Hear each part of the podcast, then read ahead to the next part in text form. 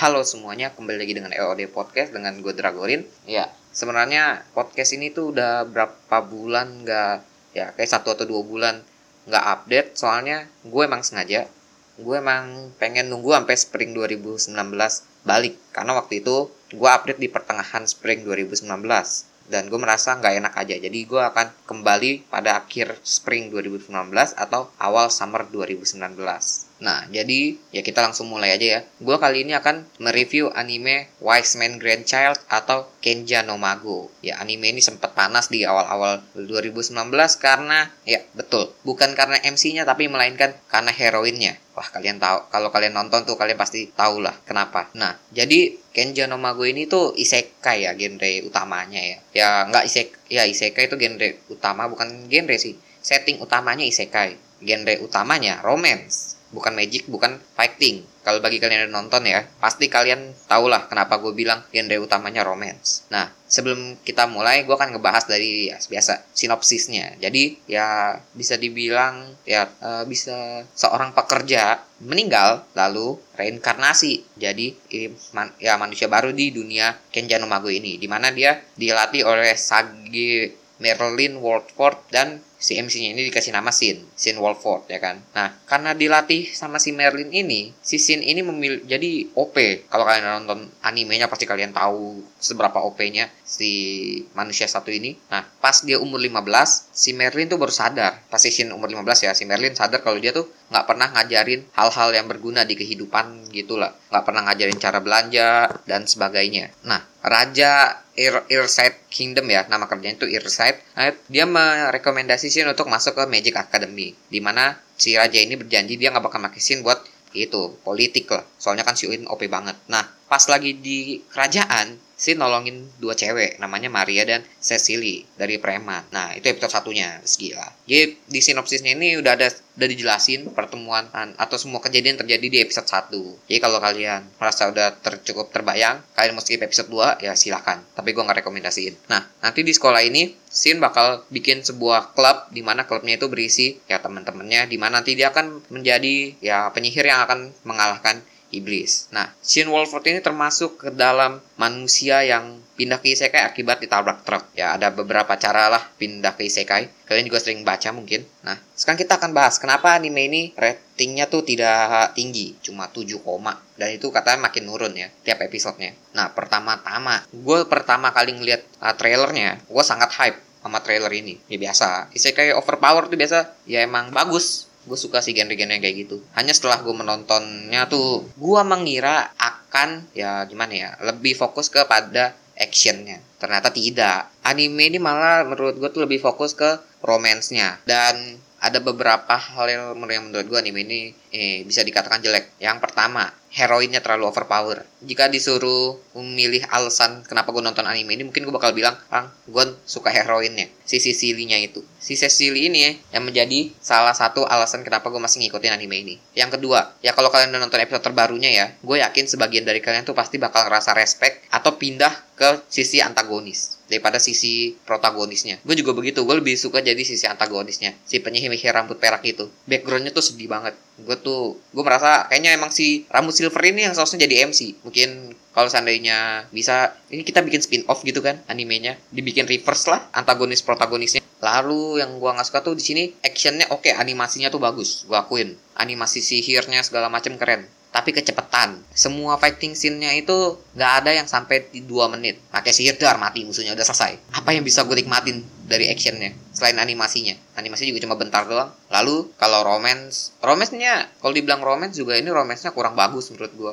Gimana ya? Kalau dijelasin ya, gue kan udah banyak nonton anime romance. Dan yang gue tahu di sini alur romance-nya terlalu cepat. Ya walaupun dua-duanya sama-sama suka kan tapi nggak dibikin semurah itulah. Masa tiba-tiba udah tunangan terus mau nikah, WTF lah. Terlalu cepat pendekatan antara dua karakter ini. Atau mungkin di novelnya juga gitu ya gue nggak baca sih novelnya. Kalau di novelnya begitu ya mau dikata apa lagi. Tapi kalau secara anime ini tuh menurut gue kurang recommended sih kalau bagi kalian yang benar-benar pengen story bagus ini kurang recommended. Nah gue ngebahas anime ini juga soalnya minggu minggu ini Kamis ini tepatnya anime ini tamat. Makanya gue bahas. Nah jadi kalau bagi kalian tim bats kalian yang udah hype banget nungguin bats ini siapkan mental kalian biar nggak kecewa lah. Soalnya menurut gue ini salah satu anime yang mengecewakan sih season ini. Uh, awal-awal sih bagus gue suka awal-awal. Sampai episode 3 kalau nggak salah. Gue masih suka. Soalnya masih actionnya tuh masih ada. Tapi mulai episode 4 ke atas tuh udah mulai ngebosenin. Mungkin gak udah kebanyakan juga sih anime isekai yang itu sih yang ngebanting anime ini sih. Ya mungkin anime isekai terbaik masih dipegang. Nah, kalau gue sih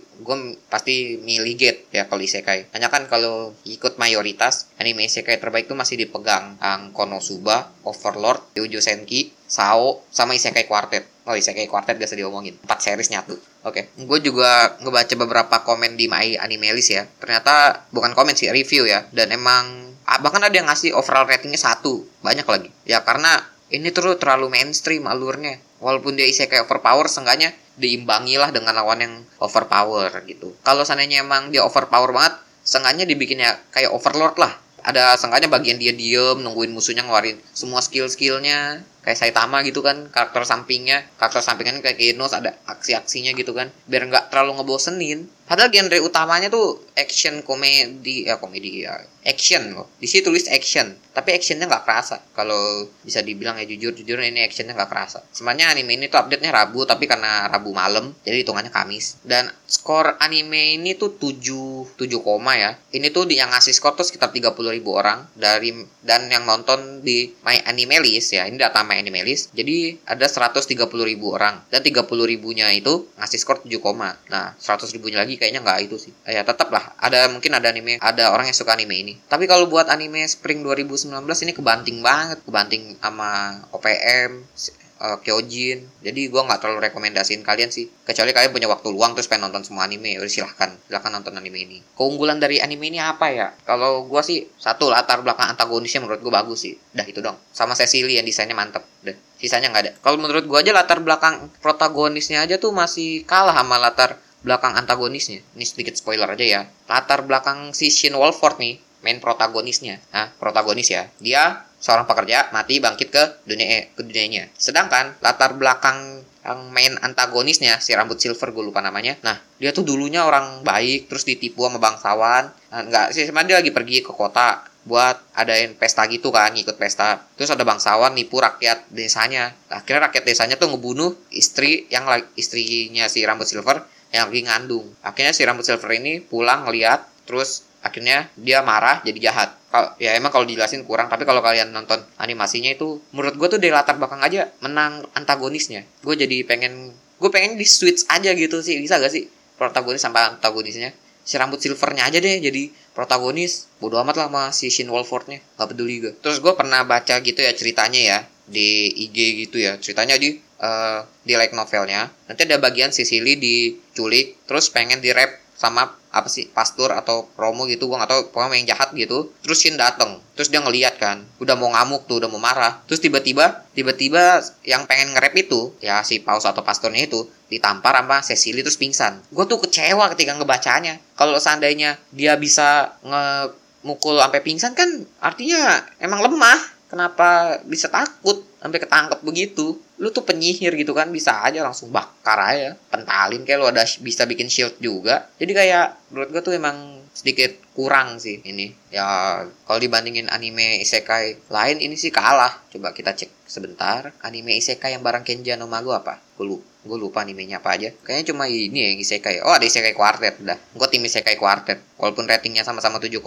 Isekai Quartet lebih guna. Isekai Quartet tuh ratingnya 7,6, Kenja no Mago 7,7,1 aja nggak nyampe, 7,09. Isekai Quartet tuh ya dia gabungan dari 4 anim sih. Tapi dia cuma 10 atau 12 menit durasinya. Kenja no Mago tuh 24 menit anime normal. Terus kalau si uh, Isekai Quartet tuh animasinya itu aja animasi chibi hitungannya. Masa bisa menang lawan Kenja no Mago? Kan ini berarti emang Kenja no Mago untuk story itu kurang. Tapi saingannya cukup berat sih Spring 2019 ya. OPM Kyojin Kimetsu no Yaiba Fruit Basket Bungo Stray Dog ya sih. Cukup ke kebanting sih. Apalagi ada buku Tachi wa Benkyo Gadekina itu waduh. Ya secara overall sih Kenjo no Mago sekali lagi gue bilang mengecewakan. Kalau disuruh mi kalau gue sana disuruh saran ya Kenja mending kalian Kenja no Mago kalian nggak tonton sih. Tapi kalau udah nonton ya selesaiin aja nggak apa-apa. Gue sih kurang rekomendasi daripada kalian ngabisin waktu buat anime yang kurang puas. Mending nonton itu nonton Fruit Basket yang romansnya lebih dapet gitu kan. Atau enggak buku Tachio Benkyo tuh yang romansnya gregetan.